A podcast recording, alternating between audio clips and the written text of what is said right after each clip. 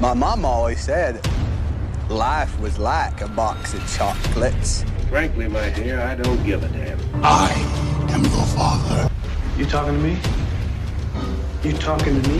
Who are you? You. No, not me, you. Yes, I am you. You one ugly motherfucker. Yippee-ki-yay, mother...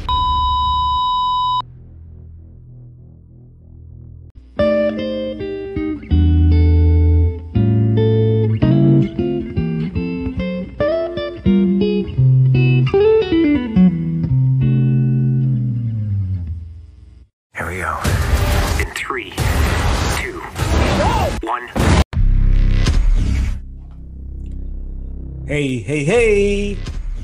Selamat bergabung kembali di channel BB69. Sobat BB69, apa kabar kalian semua nih? Semoga kalian semua sehat-sehat walafiat. Nah, sekarang sudah bergabung dengan saya beberapa teman kongko BB69. Ada Mas Rivo. Apa kabar Mas Rivo? Halo Mas Kawan, sehat Alhamdulillah. Sehat ya. Yang kedua ada Mas Dian. Apa kabar Mas Dian? Alhamdulillah, kabar baik. Oke, selamat. Sehat-sehat semua ya. Puji Tuhan sehat. Oke oke. Yang ketiga ada Mas Nanda. Apa kabar Mas Nanda? Malam Mas Dewan, sehat-sehat. Gimana kabarnya juga? Puji Tuhan kita sehat. Yang terakhir, tapi yang paling penting ada ada Lady Gaga. Apa kabar Lady Gaga? Lady Gaga. Halo Setiawan. Akhirnya kita zoom lagi ya udah lama banget nih kayaknya. ya. iya udah lama nih. Ketemu Lady. Setiawan Cruz gitu ya. Aduh. Halo semua Mbak Inka juga, sehat ya, Mbak Inka ya. Mas Rivo, salam kenal Mas Nanda, Mas Dian.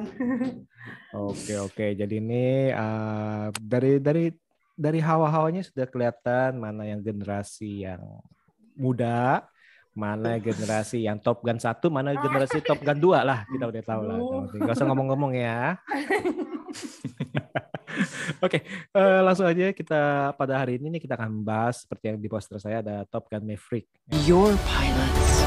Anything happens to them.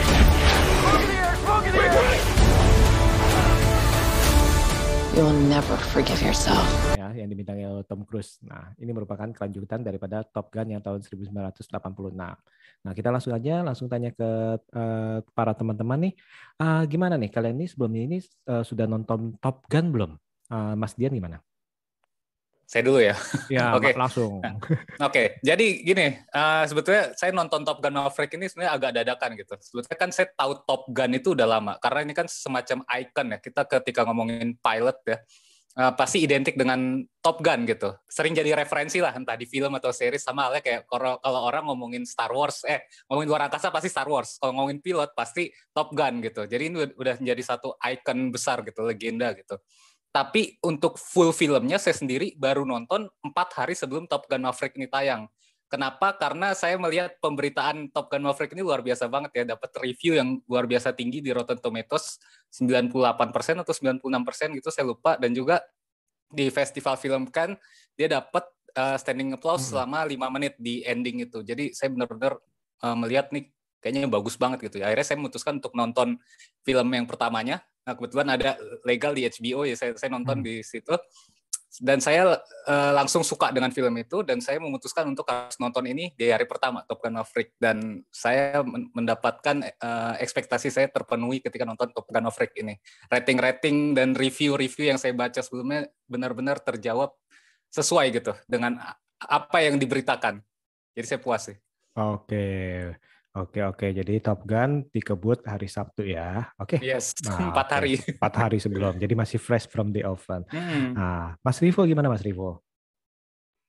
Nah ini menarik karena eh, sebenarnya saya pecinta film-film lama ya dan dari kecil suka nonton film. Tapi memang Top Gun ini belum eh, belum pernah nonton sama sekali. Dan ketika sudah ada teasernya dan eh, sudah akan muncul kemarin gitu ya, saya nggak berusaha untuk nonton karena untuk melepaskan ekspektasi supaya nanti ketika nonton Top Gun 2 nggak merasa kecewa kalau misalnya ternyata kurang seru dibandingkan film pertama gitu. Tapi ternyata setelah nonton dan banyak sekali surprise dan seru sekali dan eh, kayaknya sih langsung mau download HBO untuk nonton Top Gun yang pertama Oke. karena nggak kuat untuk nggak nonton nih. Iya emang harus harus ditonton sih. Tadi juga saya kebut tuh saya tonton sih. Oh, baru juga mas ya? Hah? Kenapa? Baru Bukan. baru nonton juga? Ba- Gimana? rewatch, baru rewatch lagi. Oh rewatch ya. Nah, soalnya uh, karena kan saya kan mengajak uh, si apa sang Lady Gaga nih. Ini takutnya nih Oh. nanti dia dia mm, apa ngomong-ngomong soal yang yang yang masa-masanya dia kan saya kan agak-agak takutnya nggak nggak nggak ngerti filmnya lupa istilahnya kan takut Eh, saya. Yang enak ntar ada yang live group lagi ngerasa gap generasi, jangan gitu. Nah, ini nih, Mas Nanda gimana Mas Nanda nih? Sebelum kita langsung yang ke ke generasi yang paling atas. Uh, paling atas. Aku top tier-nya. Oke, eh, waktu untuk Top Gun pertama saya udah pernah nonton gitu tahun waktu 2010 mas waktu masih kelas 6 SD itu. Itu eh, emang waktu nontonnya feel-nya ya biasa aja sih. Kalaupun yang diingat mungkin sekedar quote-nya I feel the need, the need for speed itu sama kematian dari karakter Gus itu itu aja sih yang maksudnya paling diingat loh. Terus waktu film kedua yang mau keluar, saya hamil satu tuh rewatch buat maksudnya um, pahamin karena yang saya tahu kan karakter kayak banyak karakter yang tidak kembali gitu untuk film ini gitu kan. Terus saya mau pahamin ini uh, ada nggak sih konektiv- konektivitasnya gitu ternyata ya ya ada salah satu si karakter Penny yang pernah dimention di Top pertama itu kan ya. Nah waktu nonton pertama besoknya langsung kedua itu nggak tahu kenapa ya feel setnya tuh kerasa banget sih dapat banget. Padahal padahal cuma sekedar flashback gitu dan kita tahu gitu. Cuma di film ini tuh emang keren parah sih maksudnya permainan emosinya. Jadi nggak sekedar action doang seperti kalau misalnya kita bandingin kayak Mission Possible tapi yang membedakan Top Gun sama Mission Possible ini adalah uh, film ini dramanya kuat banget sih memang sih. Dan itu yang apa namanya eh jujur waktu nonton sedih sih itu. Ya sempat sedih beberapa kali sih kalau teringat-ingat eh, trauma dari Maverick atas kejadian Gus itu sih Hmm, hmm, hmm. Iya, karakter Penny itu padahal cuma disebut doang ya, nggak muncul ya. iya ini muncul ya Akhirnya sekarang ini muncul.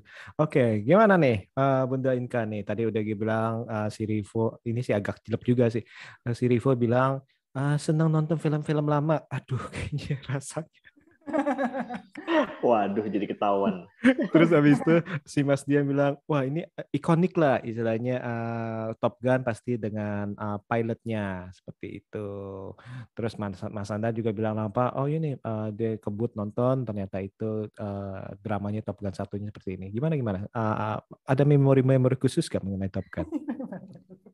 Ya, jadi ini kan film yang kalau yang pertama itu kan 86 ya, aku sih belum lahir ya. Hmm, nggak nggak cuman emang emang tahu lah gitu. Jadi aku sebenarnya nonton Top Gun yang eh, dulu itu eh, yang pertama itu kayak berapa bulan yang lalu sih itu gak sama gara-gara ada di HBO iseng aja. Cuman memang udah tahu lama memang Tom Cruise emang eh, hitsnya gara-gara film ini terus dengan uh, kacamata Ray-Ban cie yang Mas Tiawan pakai itu cie. Gara-gara katanya semua gara-gara itu semua orang pakai kacamata itu bajunya juga. Dan memang untuk film tahun 80-an tuh eh, apa eh, apa kayak pertempuran udara itu keren banget ya Hmm, untuk saat betul. itu gitu ya. Meskipun kalau aku nonton belum beberapa bulan lalu sih kayaknya sih mungkin biasa aja kali untuk zaman sekarang gitu. Kan cuman aku mengerti kenapa film itu ikonik terus juga dengan eh, apa eh, lagunya soundtracknya gitu kan Hmm. dia bucin-bucin ya dia sama si atasannya kayak gitu kan nah terus eh, apalagi ya? Ya udah pas jadi aku baru belum lama sih pas tahu oh ternyata ada yang yang kedua nih Maverick gitu kan. Nah sama aku juga nonton hari pertama waktu itu. Anak-anakku tuh maksa mau ngikut gitu ya.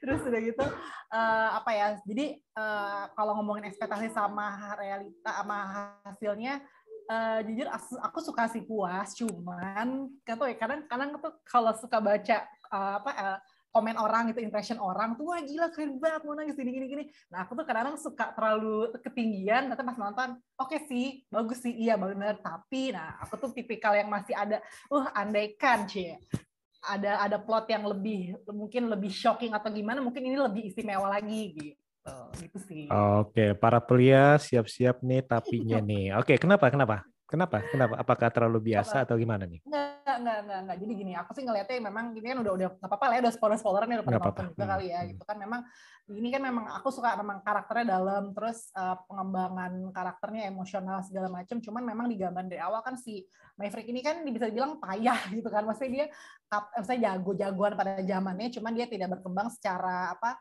cara karir gitu kan jadi kapten-kapten aja terus dia nggak nikah dia nggak punya anak nggak berkeluarga. Jadi dia anggapnya kan sebagai seorang yang dia jagoan pada masanya tapi sekarang dia payah kayak gitu kan. Nah terus uh, apa ya gitulah ya apa akhirnya akhirnya ya, ya uh, emang sih dia jago-jago gitu kan dalam hal tertentu. Cuman aku sebenarnya sempat kayak ada hin-hin seolah-olah nih kayaknya karena dia tidak dianggap di dunia kasarnya gitu kan dengan cup cuman gelar gitu doang bakalan bakalan lebih mungkin bakalan lebih maknya kalau dia akhirnya mati gitu. gitu.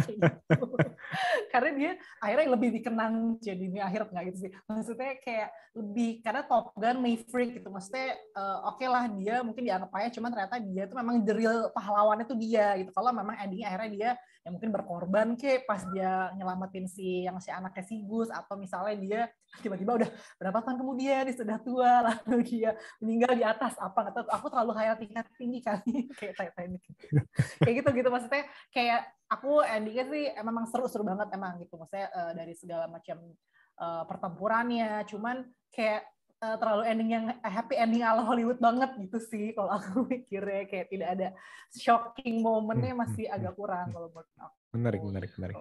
Nah ini ini ini apa uh, ungkapan hati seorang wanita nih, wanita dewasa kita bilang ya. Karena kalau kalau saya kalau saya masih masih remaja-remaja itu kan sukanya kan yang begundal, ya kan, yang badass dalam arti, oh walaupun dia nggak ini, yang penting oh dia kapten, tapi kan dia kan apa pembangkang cie jiwa pembangkang. Tapi oh, kalau oh, rebel.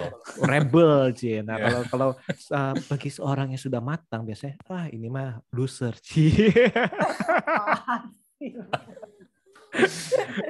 tapi itu benar benar benar sih dalam arti benar yeah, dalam arti uh, oke okay, gimana nih uh, Mas Vivo nih uh, menanggapi dari apa uh, tadi pendapatnya Mbak Inga Ya, harus setuju sih, setuju banget sama plotnya yang memang dari awal mudah ketebak ya. Uh, hmm. Maksudnya semua film Hollywood tuh akan menampilkan hero di ujungnya dan akan happy ending dengan kita bisa melihat ada beberapa shot yang sangat Hollywood ya kayak misalkan adegan orang-orang nyender di depan pintu, kemudian orang keluar dari jendela ketika pacaran itu maksudnya Hollywood banget gitu dan uh, kesan 80-annya masih kerasa sampai sekarang hmm. sebenarnya gitu buat uh, mungkin itu juga dipertahankan untuk uh, ngegrab penonton-penonton yang generasinya sudah uh, apa namanya sudah berkembang seiring dengan uh, penonton sekarang gitu. Jadi kalau saya rasa sih kayaknya Top Gun mau ngegrab semua generasi supaya dia bisa relate dengan penonton yang pertama dengan penonton yang sekarang gitu. Jadi dibuat sangat uh, relatable tapi di satu sisi kan sutradaranya juga tidak mau ini terlalu melekat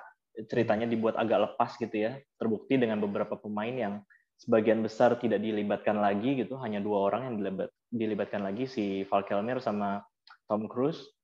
Uh, itu kerasa kalau uh, sebenarnya di tengah-tengah cerita sih uh, Mbak Inka itu ada beberapa surprise yang yang ditampilkan ya. Maksudnya misalnya tokoh yang ternyata salah satu yang terbaik ternyata tidak mendapatkan kesempatan untuk menjadi pilot gitu ya untuk misi tersebut Kemudian ada beberapa ada beberapa adegan yang mungkin agak nge-twist nge-twist gitu, tapi memang di akhirnya ketebak banget gitu kalau buat saya. Jadi kayak wah udah menit-menit terakhir oke ini udah mau closing, oke sekian menit lagi akan selesai. Jadi udah kerasa banget tuh di ending akan uh, terasa jagoan membosankan. uh, jagoan akan menang, tapi dengan durasi dua jam menurut saya ini padat banget karena dari awal kita sudah hmm. dikasih adegan-adegan yang membuat kita hanyut gitu. Betul betul betul. Ya ya saya setuju saya setuju. Tapi sebelum pendapat saya gimana Mas Nanda menanggapi hal ini mengenai plotnya nih, plot cerita. Uh, jujur kalau misalnya dibanding apa dibanding Top Gun pertama sama Top Gun Maverick ini, ini ingetin saya sama ibaratnya kalau Star Wars tuh A New Hope sama Awakens sih.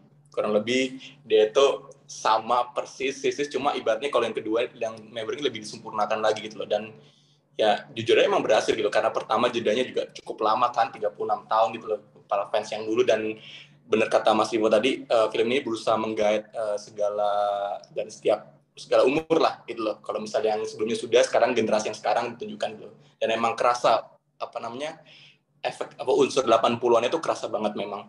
Tapi ya itu tadi karena uh, menurut menurut menurut saya mungkin orang-orang suka karena memang secara story ini ini ya uh, ringan ya maksudnya uh, mudah diikuti gitu tanpa tanpa harus terbelit-belit ternyata ada banyak banyak plot twist gitu sih tapi kalau secara overall sih kalau menurut saya uh, bagus sih kalau mungkin kalau mau yang ada disayangkan mungkin uh, kematiannya dari si Iceman sih memang menurut saya agak sebenarnya sebenarnya nggak nggak nggak perlu gitu loh. Saya justru berharapnya si Iceman itu memberikan penghargaan di terakhir-terakhir uh, ngasih penghargaan ke Maverick gitu loh. Dia ternyata di, dimatikan di tengah film loh. Tapi saya juga nangkap sih karena memang mengingat Val Kilmer sekarang sedang sakit gitu loh. Hmm, dan betul.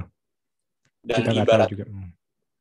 uh, Maverick ini butuh motivasi gitu loh. Jadi uh, yang dilakukan filmnya ya membunuh teman baiknya yang selalu nge-backup dia gitu loh dalam kondisi apa pun dan dan itu berhasil sih gitu. loh. Dan Dan- untuk uh, komen soal si siapa pemeran si Penny uh, Connelly itu itu yang beda juga dari pertama sih kalau menurut saya Charlie itu dia kurang memotivasi si Maverick gitu. Sementara ini dia tuh bisa ngangkat banget si uh, Maverick ini gitu. Itu sih yang bikin uh, yang on point-nya yang bikin beda yang bikin beda dengan film sebelumnya. Tapi secara plot itu sama sih. Gitu. Oke. Oke, Mas Dian gimana? Sepertinya sudah tidak sabar nih. Udah udah banyak diambil. Hmm, Saya hmm. saya bingung nih mau mau bahas apanya gitu. Tapi Nggak.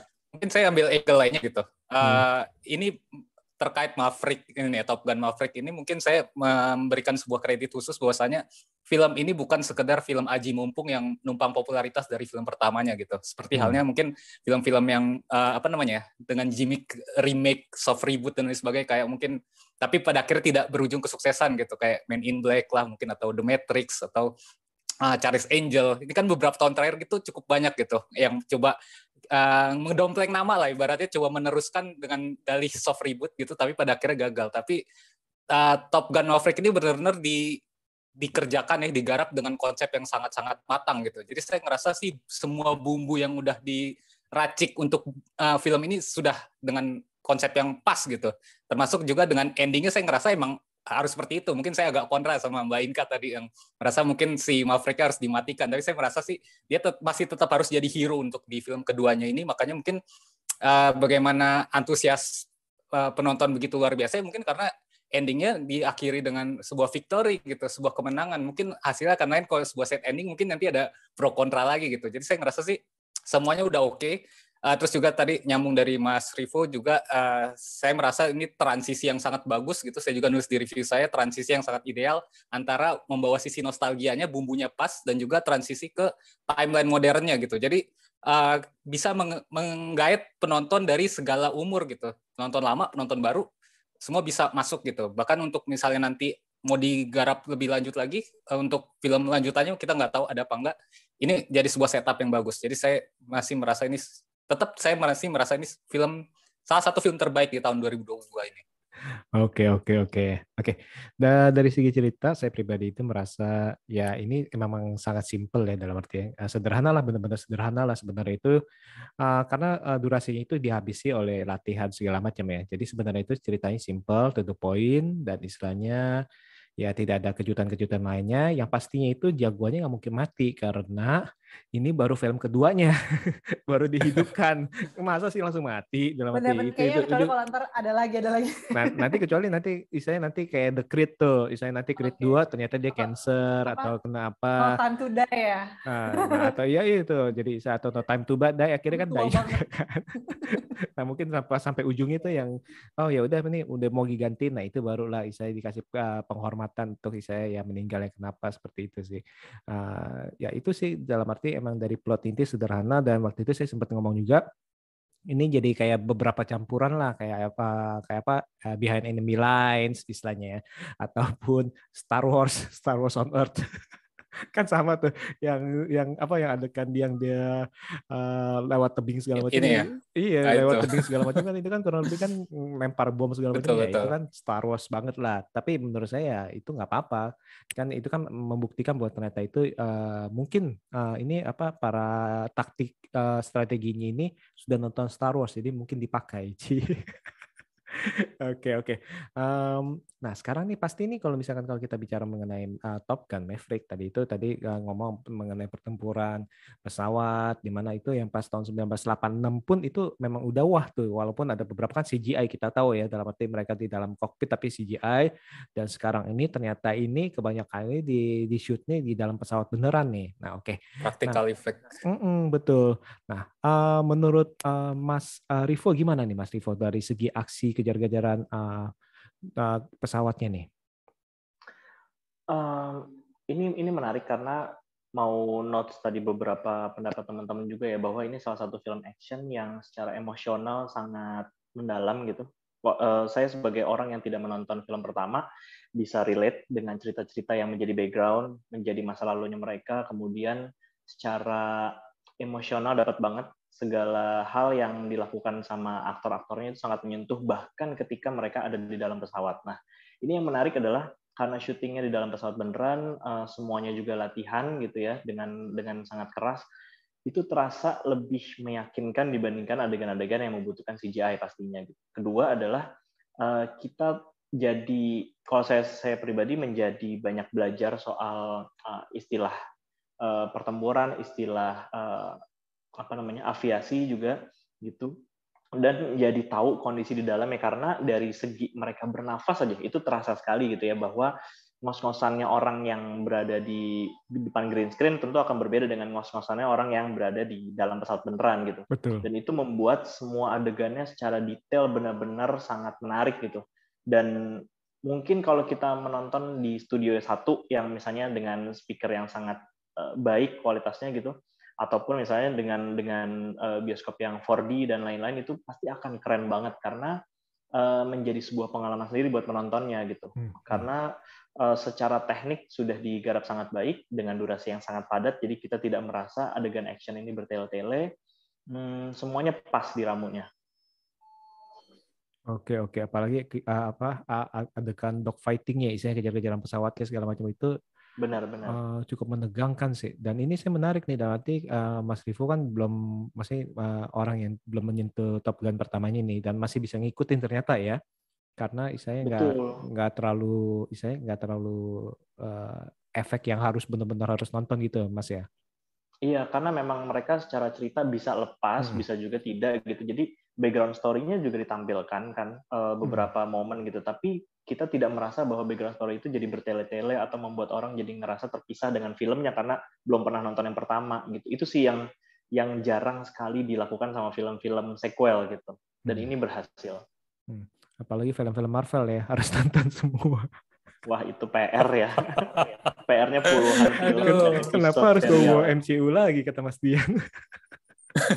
itu baru kemarin saya singgung tuh. iya. Nah justru itu kenapa saya singgung karena Mas Dian udah nyinggung. Merecall kembali. betul betul.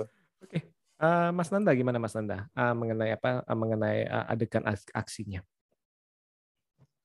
Oh, mungkin udah disampaikan sama Mas Rivo tadi sih dan ya saya setuju jawabannya memang uh, semua pasti uh, dramanya dapat, komedinya dapat, actionnya dapat dan ditambah dengan uh, tanpa CGI sama sekali. Jadi mereka semua harus latihan untuk menahan G-force terlebih dahulu sebelum syuting film. Bahkan saya hmm. pernah baca beberapa artikel semua muntah kecuali Betul. Tom Cruise uh, pemeran si Phoenix itu. Itu kelihatan banget kalau misalnya semua ini effortnya luar biasa sih dan benefitnya tanpa CGI yaitu tadi kata Mas Ivo buat penonton tuh kerasa banget gitu suasananya gitu loh. Bahkan untuk uh, final sequence-nya aja uh, walaupun tahu kita tahu ini film di mana intinya uh, pahlawannya pasti menang gitu kita tetap ngerasa tegang gitu loh kalau ah ini ini kayaknya ada yang kena ada yang kena itu memang mungkin efek da dari practical effects sih memang jujur aja itu uh, emang sangat ngaruh banget sih emang Hmm, hmm, hmm, setuju. Apalagi juga pesawat-pesawatnya juga ini kita dimanjakan nih ya. Banyak-banyak pesawat ya kalau nggak salah ya. Yang terakhir juga itu kayak uh, F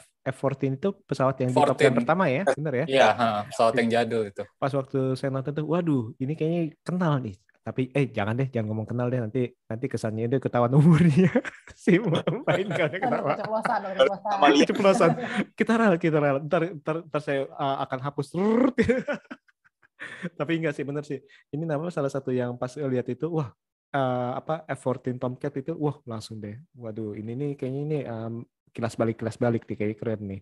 Seperti itu. Cek satu dua. Itu kali. Nah. oke. Oke. Ah, ada. Ah, Oke. Oh itu. Itu gara-gara lagi sensor, nggak boleh nggak boleh apa nggak boleh ketahuan umur. internet saya tumben mengerti mengerti saya nih internet saya ini jadi langsung, langsung diedit, bisa diedit. Oke oke oke oke. em, Mas Tian, eh, kira-kira nih eh, ada ada hal yang mengganjal nggak dari eh, Top Gun Maverick? Eh, kalau saya kayaknya sih udah banyak disampaikan ya tadi soalnya dari awal udah banyak ngomongin plot-plot kekurangan juga gitu. Hmm. Kalau kalau saya mungkin sih saya merasa emang di sini plotnya finishing plotnya banyak yang eh, predictable gitu. Eh, cenderung mudah ditebak tapi saya sih nggak terlalu masalah gitu karena semua aspek itu benar-benar digarap dan dieksekusi dengan maksimal banget gitu, maksimal effort banget gitu. Eh, itu itu satu ya kayak misalnya yang di ending itu yang waktu udah di situasi terjepit gitu si Maverick dan di depan ada musuh kita tahu lah pasti ini nanti ada temennya nyelamatin bakal menang di situ. Si musuh itu ditembak itu ketebak gitu. Kayak misalnya terus juga kayak si Maverick sama si Rooster ini bakal team up juga kayaknya kita tahu hal itu dari awal gitu. Tapi ya, ya sudah lah mungkin di situ eh, hal yang kurangnya. Sama mungkin satu lagi eh, saya yang agak kurang itu waktu pas si Maverick ini kan sempat dikeluarkan ya waktu pas Hmm. dia itu uh, waktu si siapa? Iceman ini Iceman meninggal, meninggal. ya Hmm. dia udah nggak ada pegangan lagi akhirnya dia dikeluarin gitu. Itu momen struggle-nya dia saya ngerasa agak kurang gitu. Terlalu cepat gitu cuma sekian menit dia ketemu ceweknya bentar uh, terus abis itu langsung bangkit lagi dan dia langsung masuk tim lagi gitu. Jadi saya ngerasa momen struggle-nya di situ agak kurang gitu kurang dapat feel-nya terlalu cepat gitu. Padahal pengennya sih uh, si murid-muridnya ini pilot-pilot muda ini ngerasain dulu ajaran dari uh, bosnya si Maverick ini beda segala macam tapi kan ternyata terlalu cepat untuk masuk lagi si Mavericknya. Hmm. Soalnya budgetingnya mas, waktunya untuk minjem pesawatnya Iya, iya. udah nggak boleh. Betul lagi, betul. Eh, susah katanya susah. Oke, Eh, Mbak Inka gimana Mbak Inka? Eh, ada yang mengganjal gak? Kan tadi kan eh, udah mengganjal sih udah ya tadi ya ngomong. Enggak ada. Paling satu lagi ini eh, karena aku yang lain kan cowok-cowok semua nih masalah action segala macam. Kalau aku mungkin dari sisi drama romansnya ya. Ci. Hmm, Oke oke.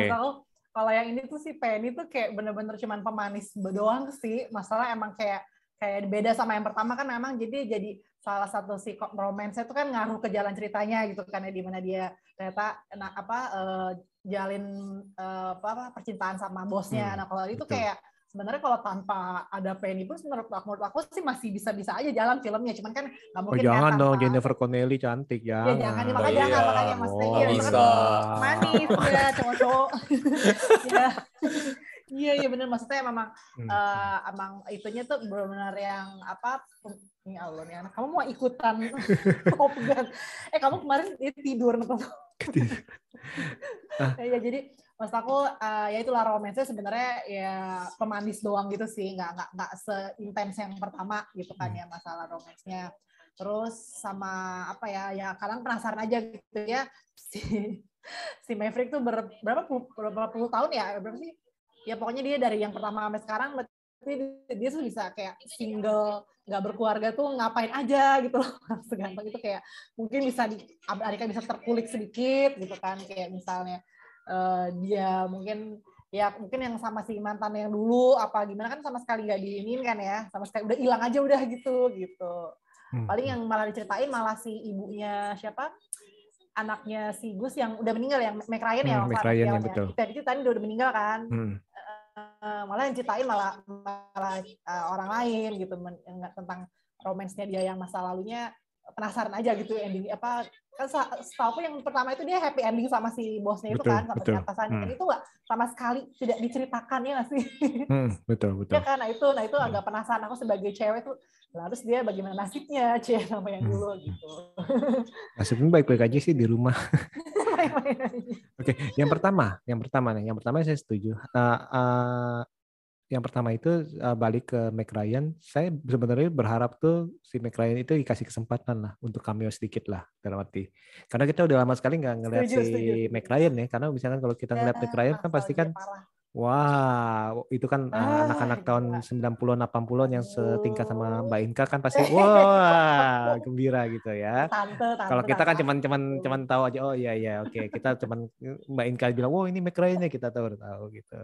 Nah, Oh. eh, tapi yang kedua itu eh, kalau menurut saya justru segi romansnya itu cukup sih menurut saya. Karena dalam arti mungkin ini yang disebut romance dewasa ya dalam arti ya dalam arti hubungan dewasa. Jadi nggak perlu yang yang kayak waktu dulu itu.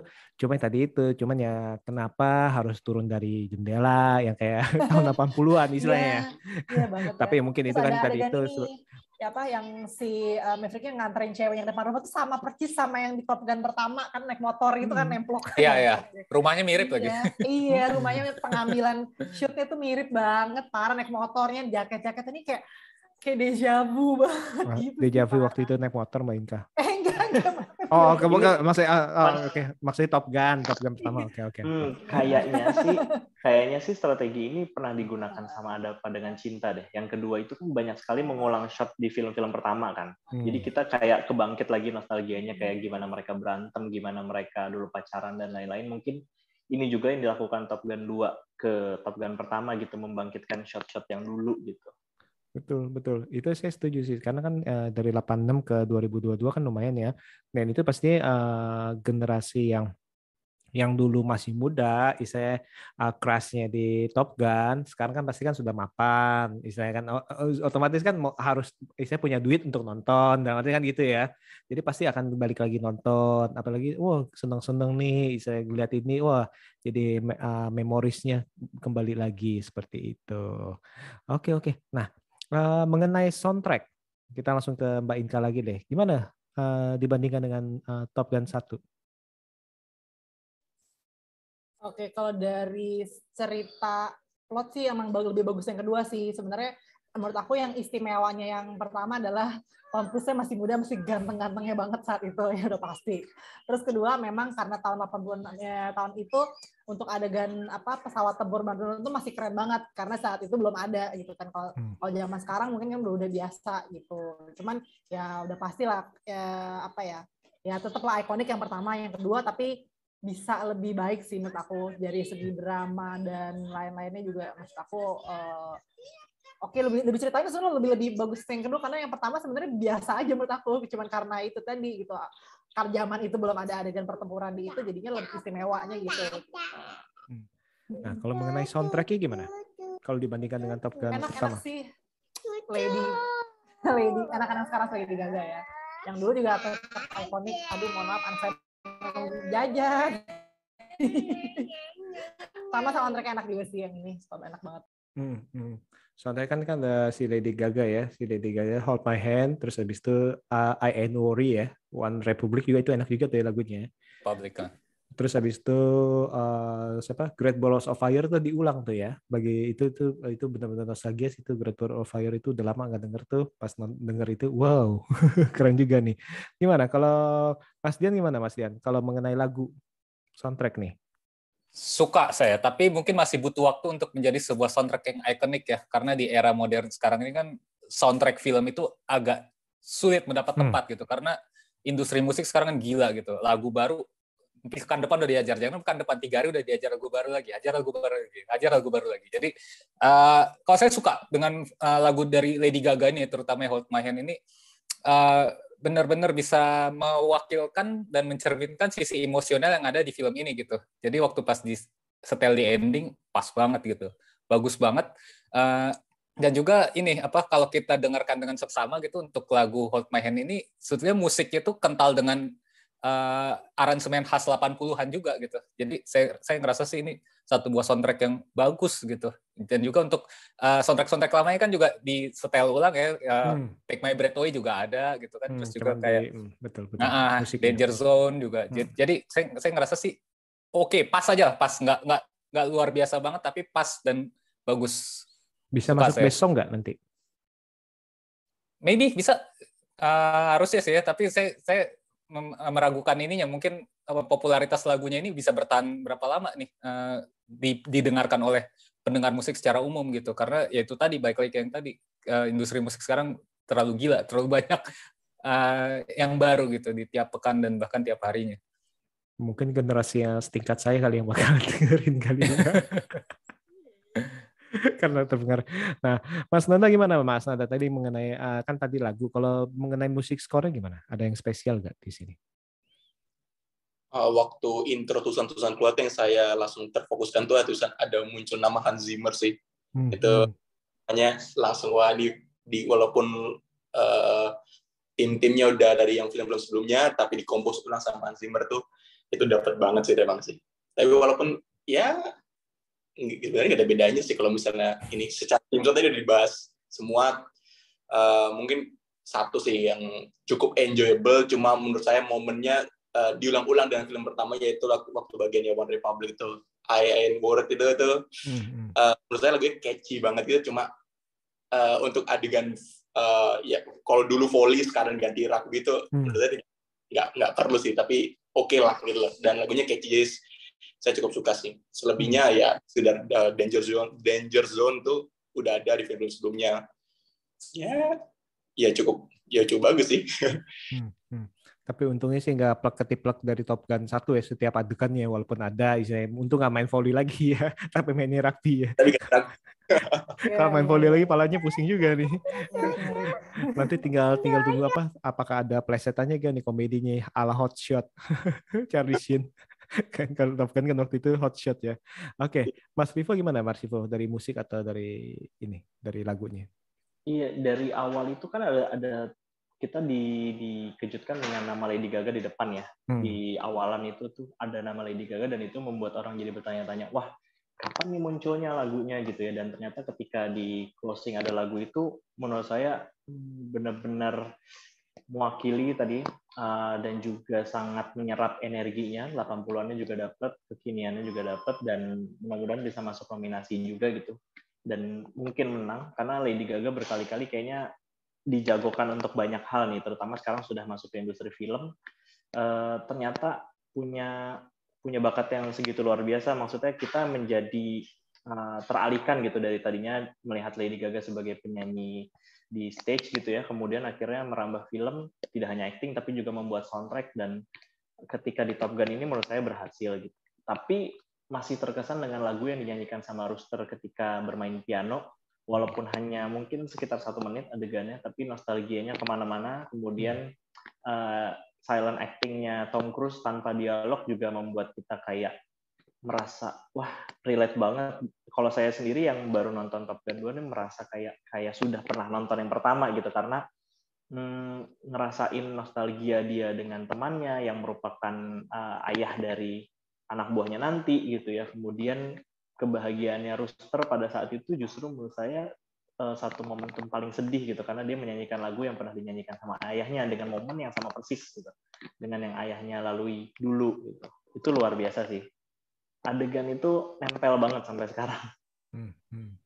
hmm. Berhasil kalau gitu, walaupun Mas Rivo ini belum nonton yang pertama ya dalam arti ya? Benar, ya. berhasil banget. Maksudnya kita nggak perlu adegan bertele-tele sih. Top Gun ini mengajarkan kita durasi singkat, padat, tapi ngena semuanya dengan komposisi yang pasti sebenarnya di film ini. Oke, oke, oke. Nah, Bunta Inka nih, yang terakhir nih. Uh, perlu sequel lagi nggak menjadi trilogi? Kalau Mumpung Tom Cruise-nya masih bisa. Kalau menurut aku ya uh, perlu sih perlu. Kayak masih aku masih pengen penasaran uh, kisahnya dia yang masih belum masih belum terkulik aja gitu di puluhan tahun itu kayak masih banyak hal-hal yang kita gitu ngapain aja sih selama puluhan tahun masih gitu-gitu aja masih masih belum berkeluarga terus apa ya istilah kan yang di sini kan dia akhirnya akhirnya kan uh, jadi pahlawan lah akhirnya bisa dibilang diakui yang tadi di underestimate. Nah apakah nanti akan berubah ke depannya? Apakah dia akan naik pangkat atau apa? Dan aku merasa kayak dari dari segi cuan sih pasti karena ini sukses kayaknya mungkin bakal bikin lagi sih. Mumpung masih sehat okay. ya Tom Cruise-nya. Kayak perlu deh. hmm, mungkin uh, selanjutnya akan seperti Fast and Furious akan keluar angkasa. Aduh enggak dong. Oh. Oke. Okay. Oh iya, udah kayak Mission Impossible kan, agak-agak mirip-mirip kan. Betul betul akan akan benar. Benar nanti soalnya yang yang pas yang endingnya juga kan mirip-mirip kayak Mission Impossible kan kejar-kejaran kayak James Bond segala macam seperti ah, itu. Yo, jangan masuk angkasa. Oke, Mas Dian gimana Mas Dian? Uh, perlukah uh, trilogi? Uh, ya, gitu. Karena saya ngerasa sih agak sayang untuk uh, di mana ini udah sebuah lembaran baru yang di mana kayaknya planting-plantingnya udah banyak gitu. Misalnya ini memang pengen dilanjutkan ke depannya untuk proyek jangka panjang gitu. Atau setidaknya satu film lagi gitu. Saya masih merasa sih masih oke okay gitu. Apalagi feedbacknya luar biasa banget. Top Gun Maverick ini nggak nyangka sebagus itu ya ternyata ya. Uh, dan juga sih ya semoga bisa lebih megah dan lebih besar lagi gitu. Jangan sampai uh, menurun gitu kualitasnya. Karena ini kan nggak disangka seluar biasa itu hasil yang di ini ini film benar-benar harus ditonton di bioskop lah. Ini film tercipta untuk ditonton di bioskop gitu. Jadi eh, jangan sampai pada akhirnya kualitasnya nanti HP turun gitu. nanti nanti pasti misalnya ini rilis digital nih nggak nggak oh, jadi digital, rilis kan digital jadi. nonton di HP oh. nih kan. Itu filmnya Wah, beda itu ya. pasti filmnya beda dan ratingnya pasti beda gitu. Jadi Beda, saya beda. berharap sih bisa lebih megah dan lebih besar lagi misalnya nanti ada film ketiganya gitu. Karena emang kayaknya udah banyak plot-plot yang sengaja dikosongin yang mungkin untuk diisi misalnya ada lanjutannya gitu. Saya saya berharap sih bisa lebih lagi. Oke, nanti siapa tahu apa jadi family man ya nanti ya. Seperti itu. Hmm, hmm. Nah, Mas Nanda gimana Mas Nanda? Uh, udah puas dengan dua aja atau masih perlu satu lagi? Eh, kalau saya pribadi sih untuk eh, Tom Cruise sebagai aktor pemeran utamanya sih cukup sih. Karena nggak tahu kenapa saya tuh bandingin ini maksudnya film bagus tuh nggak harus sampai trilogi sih kalau menurut saya sih dan takutnya kalau misalnya film ketiga dikeluarkan tuh takutnya berakhir seperti kalau kita bandingin anggapnya Terminator lah gitu. Dia ngikutin oh karena kita laku kita buat buat terus akhirnya tanpa passion akhirnya ya begitu begitu aja gitu. Dan itu yang saya khawatirkan kalau misalnya Top Gun, Top Gun Maverick dilanjutkan untuk film ketiganya gitu loh. Mungkin kalau misalnya mau dibuat film selanjutnya tuh bisa ngikutin konsep kayak film Creed gitu loh anggap aja Yes, dia bisa setuju. Top Gun tapi pemerannya tuh su- pemeran utamanya sudah bukan Tom Cruise. Ang- uh, anggap aja si Maverick ini ibaratnya sudah berkeluarga atau tidak setidaknya naik pangkat lah. Jadi tidak harus di tidak harus berada di kokpit pesawat lah bisa bisa jadi, bisa jadi mentor gitu. Dan itu lebih menurut saya lebih pas sih dan dan seperti kalau saya lihat sih mungkin sudah disiapkan seperti itu karena uh, Maverick sudah mengajarkan semuanya kepada rekan kepada Rooster kepada Hangman semua sudah diajarkan yang uh, yang Maverick bisa gitu loh jadi uh, kalau mau mau dibuat ketiga bisa dengan judul Top Gun tapi mungkin kayak Top Gun Rooster gitu atau apa mungkin lebih lebih relate sih daripada uh, Tom Cruise jadi pemeran utama lagi sih Hmm, hmm, hmm. Saya setuju, saya setuju itu. Mas Rivo gimana Mas Rivo? Ah, ini menarik ya. Kalau mau laku pastinya tetap harus Tom Cruise dan juga Top Gun 3 judulnya gitu. Tapi kalau saya sendiri dengan dengan eh, harapan yang sangat liar, pengennya justru spin off aja gitu. Tanpa Top Gun judulnya, tapi langsung Rooster misalnya karena di film ini yang sangat misterius misterius adalah Rooster gitu ya. Setelah kejadian ayahnya itu hmm, ayahnya meninggal, kemudian apa yang terjadi sama keluarganya karena kita tidak banyak menceritakan uh, keluarga uh, yang ayahnya menjadi korban dari pertempuran-pertempuran. Itu kita jarang sekali melihat gitu. Jadi menarik kalau kita menceritakan soal Rooster bersama ibunya dan keluarganya gitu dan si Tom Cruise akan menjadi cameo aja di film itu. Itu itu lebih menarik menurut saya karena uh, generasinya sudah bergeser sekarang, sudah lebih muda lagi dan pemeran-pemeran mudanya juga banyak yang menarik perhatian gitu ya terbukti uh, adegan rugby itu sepertinya sangat menjual pemain-pemain baru gitu ya Hmm, dengan hmm. badan-badan bagus mereka. Jadi pasti akan menjadi idola baru di kemudian hari entah 5 10 tahun lagi gitu. Jadi Tom Cruise sepertinya akan mulai kehilangan fansnya mau tidak mau karena generasinya sudah semakin eh, tua para Hmm. fansnya gitu. Dan kita harus harus menghadapi kenyataan bahwa aktor-aktor muda ini punya fans baru mereka Yes. di Top Gun gitu. Jadi kayaknya spin off lebih seru sih. Hmm, hmm. Betul betul. Nah tadi itu padahal saya mau nanya sebenarnya apakah Tom Cruise masih menjual? Nah ternyata sudah dijawab arti ya Nah, sebenarnya menjual, cuma dalam arti karena tadi itu generasi kan makin lama makin ber- berkembang ya dalam arti generasi baru, generasi yang yang lanjut juga makin istilahnya makin ke atas segala macam itu otomatis kan studio juga makin mempertimbangkan dan istilahnya nggak mungkin Tom Cruise uh, selalu harus lari-lari walaupun di sini dia masih lari sih. Betul, Tapi betul. Walaupun posisi larinya dia emang paling bagus ya, tangan selalu sampai atas ya. Iya. dan dan dia selalu lari di sini pun lari walaupun ada pesawat ya. Oke, uh, sebelum kita tutup, uh, kata-kata terakhir, uh, menurut kalian Top Gun Maverick ini bagaimana? Oke, dari Mas Rivo lagi. Oke, buat saya ini uh, salah satu film action yang sangat pas, emosionalnya dapat, actionnya dapat, dan kita merasa bahwa dengan durasi yang ada itu kita tidak merasa bertele-tele dengan ceritanya. Semua pemainnya juga berakting sangat natural, sangat mendukung cerita, dan bagi orang-orang yang hanya menonton Top Gun 2, saya masih bisa relate dengan cerita-cerita yang menjadi background story. Tidak harus melulu untuk uh, menonton film sequel, harus memulai dari film-film pertamanya gitu. Dan uh, Top Gun 2 membangkitkan uh, memori atas film-film sequel yang sudah puluhan tahun lamanya. Uh, ini salah satu yang berhasil menurut saya. Uh, film remake yang sangat berhasil dan bisa jadi akan ada lanjutan-lanjutannya lagi nanti. Oke oke. Nah, Mas Dian, gimana Mas Dian? Kata-kata terakhir untuk Top Gun Maverick? Uh, saya tetap berpegang teguh pada kalimat salah satu film terbaik tahun ini ya tahun 2022 sebuah film dengan paket lengkap yang isinya ada audio dan visual yang luar biasa menawan terus juga uh, actionnya uh, terus juga nilai-nilai emosionalnya persahabatan kekeluargaan uh, asmara teamwork semuanya luar biasa paket lengkap bumbunya diracik dengan pas dan satu pesan saya kalau yang nonton konten ini dan filmnya masih tayang di bioskop, buruan nonton di bioskop karena filmnya bakal beda kalau kalian nonton di digital. setuju, setuju, setuju. Kalau bisa yang teaternya itu soundnya keren. ya, yang paling mahal deh beli itu. Apalah istilahnya. Oke, Mas Nanda gimana Mas Nanda? Mungkin dibahas semua uh, kenapa harus nonton ini film sih. Dan ya film ini solid film ini bagus benar-benar keren. Kalau misalnya mumpung masih ada di bioskop harus nonton dengan bioskop terbaik gitu entah layar entah sound pokoknya uh, karena sayang banget kalau misalnya mau nunggu versi digitalnya gitu. Dan sekarang kita ngerti kenapa Tom Cruise uh, bersikeras tayang di bioskop gitu. Karena ya soundnya dapat. Dan mungkin itu emang tanpa efek tanpa CGI mungkin yang bikin uh, soundnya terutama saat menggelegar sih gitu sih. Dan mungkin yang uh, banyak yang nanya apakah harus nonton film pertamanya dulu atau enggak kalau menurut saya sih untuk sebuah sequel ini nggak perlu karena film kedua sudah menyediakan uh, banyak adegan flashback agar kita bisa relate juga sebagai penonton baru. Itu sih. Oke. Mbak Inka gimana Mbak Inka?